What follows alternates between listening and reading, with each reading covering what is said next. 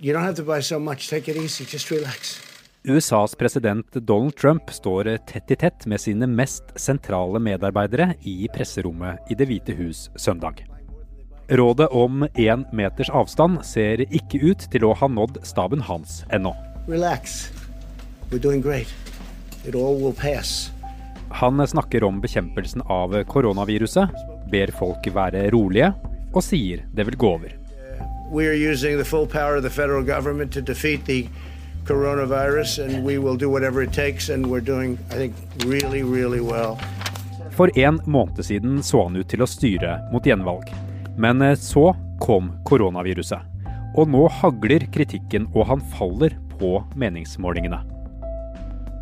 Er det et virus som skal spolere planen til Donald Trump og gi demokraten Joe Biden åpen vei til makten? Dette er Forklart fra Aftenposten. Jeg heter Andreas Bakke Foss. Det er onsdag 18. mars.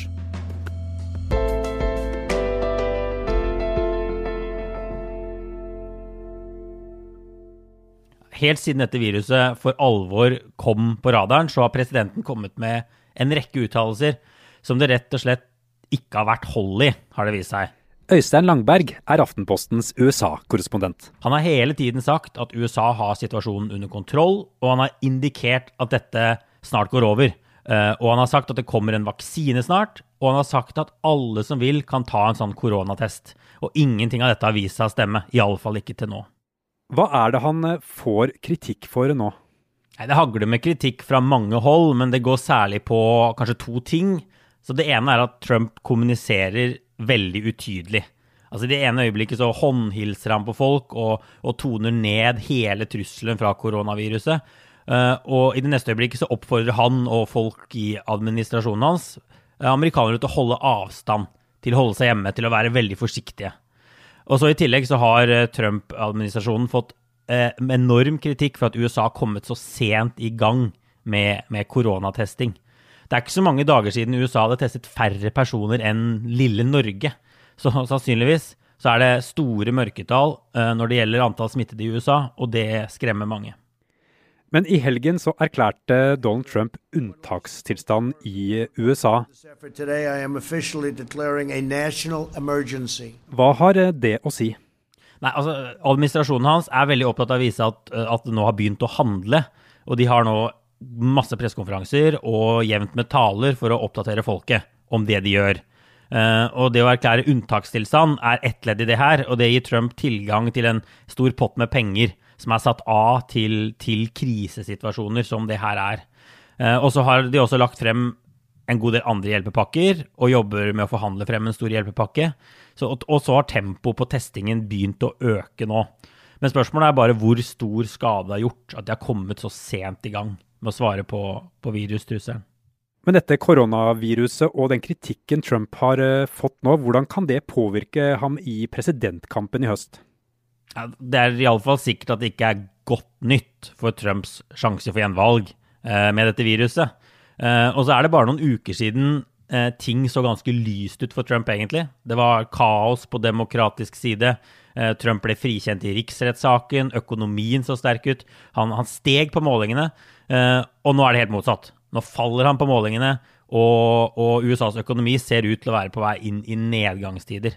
Og så er spørsmålet hvor dype de blir, eh, og hvor lenge dette koronaviruset vil, eh, vil, prege USA. Men hvis det varer lenge, eh, og nedturen blir stor, så helt, kan det få helt avgjørende følger selvfølgelig for hvordan presidentvalget går i november. Vi er straks tilbake.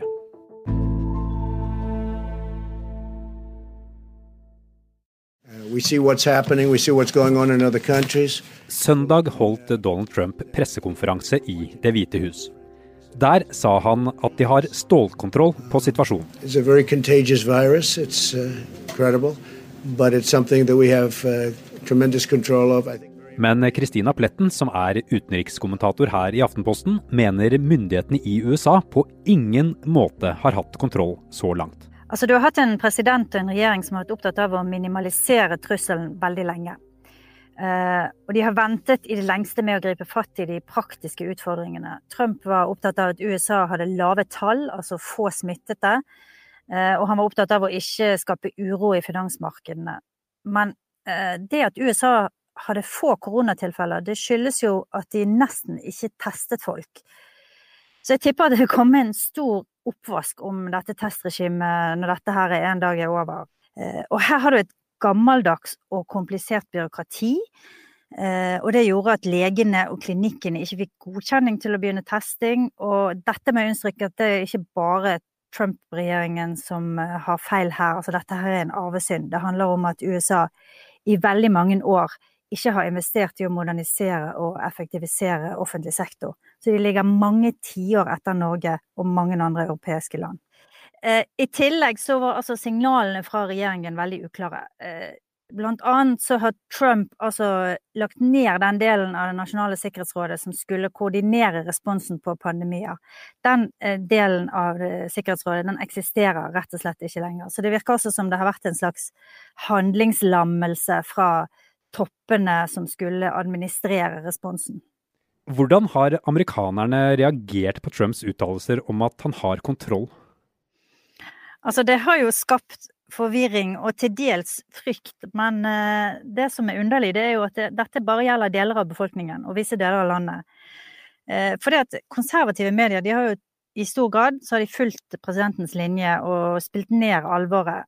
Uh, konservative amerikanere har lagt ut bilder av seg sjøl på sosiale medier der de er ute og spiser. Men det har vært en slags sånn demonstrativ avvisning av at dette her er farlig, helt til nå. Eh, og så har det jo snudd de siste dagene, og regjeringen har eh, innført masse strenge tiltak.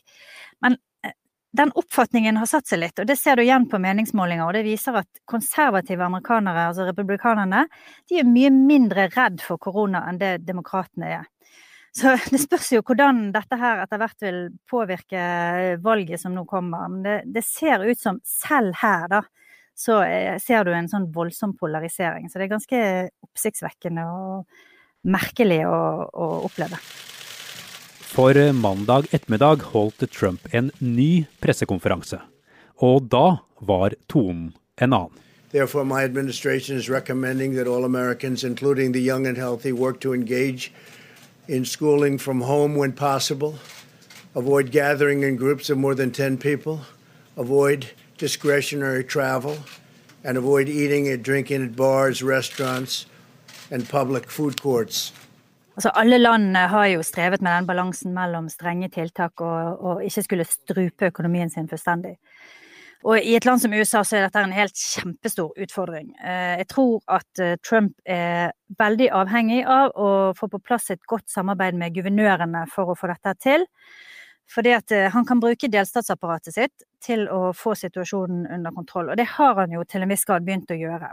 Så har han to store fordeler. For det første, USA har enorme ressurser som de kan sette inn.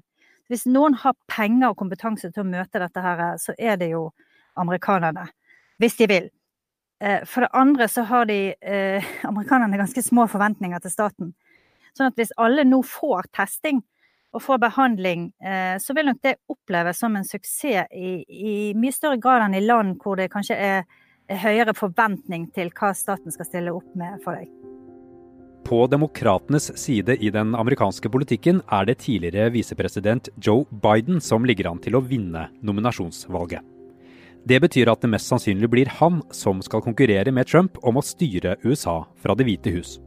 Og i en debatt på TV-kanalen CNN denne uken var koronahåndteringen noe av det Biden var opptatt av å snakke om. And that means we have to do testing. We have to get the testing kits up and ready. I would have the World Health Organization. I'd take advantage of the test kits they have available to us. Even though the president says a million or more are coming, let's just get all the tests we can done as quickly as we can. Joe Biden er mest kjent som uh, Obamas visepresident i åtte år. Uh, han har også vært presidentkandidat faktisk flere ganger før, uten nevneverdig suksess, for å si det mildt. Eh, ellers så er han en karrierepolitiker, rett og slett. Han har vært politiker nesten hele livet og har vært i Kongressen siden 70-tallet.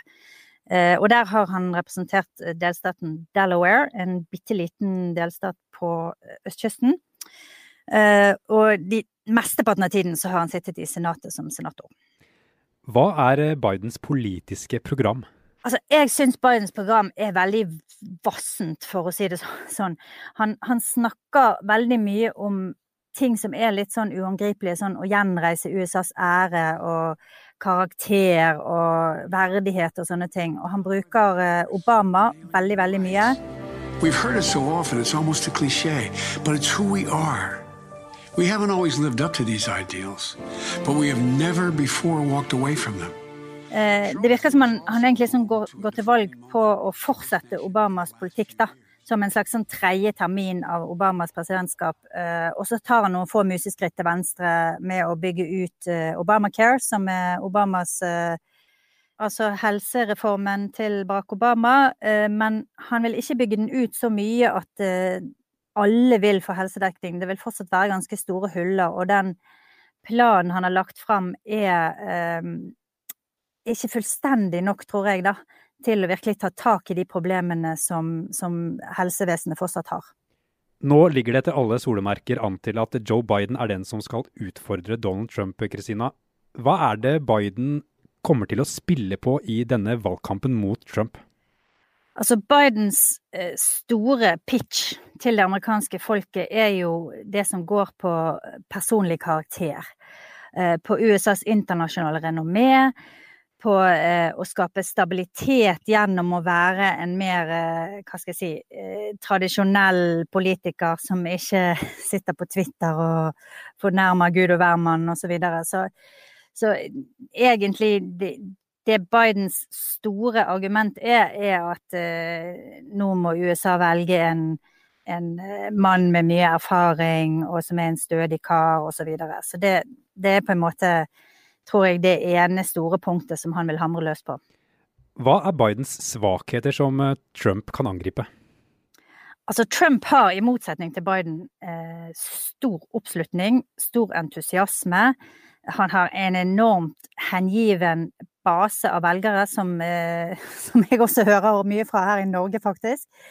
Eh, og jeg tror at han kan, han kan, bruke dette her mot Biden. Han kan frems da som en politiker som er eh, populær hos folket, mot en eh, politiker som Biden, som er på en måte elitenes mann, som er kjørt frem av partiapparatet som en slags sånn kompromissløsning som jeg, ingen egentlig ville ha. We need American leadership.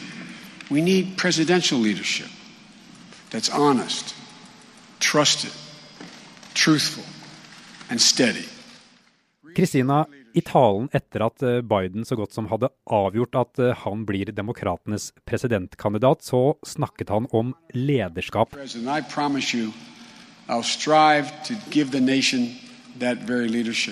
Hvordan kan Biden bruke Trumps håndtering av koronaviruset mot ham, tror du? Altså Det kommer veldig mye an på hva som skjer nå den neste måneden, kanskje de neste to månedene. Velgernes hukommelse er kort. Samtidig så tror jeg at denne håndteringen som Trump og hans regjering har vist de siste ukene, har skremt veldig mange. Så ser vi jo det, som jeg nevnte tidligere, at det er en forskjell mellom republikanernes oppfatning og demokratenes oppfatning.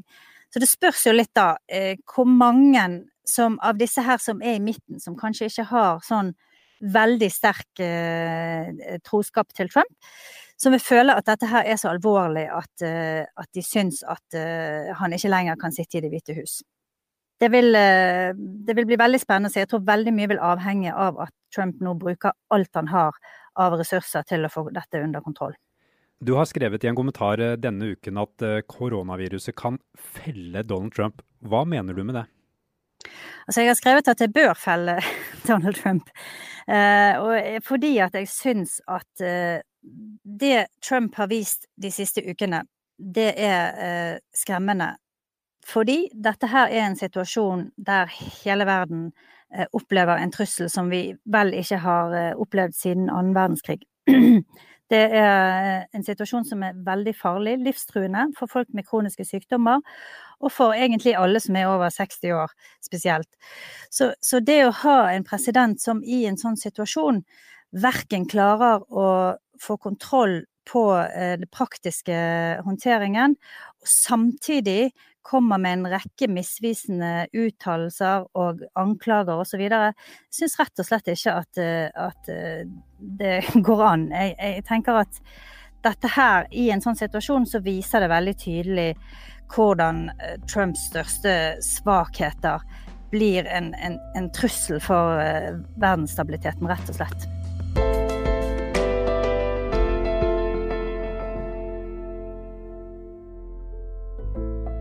Forklart lages av Caroline Fossland, Anne Lindholm, Fride Næss Nonstad, Kristoffer Rønneberg og meg, Andreas Bakke Foss. I denne episoden har du hørt lyd fra nyhetsbyrået AP og Joe Bidens valgkampvideo.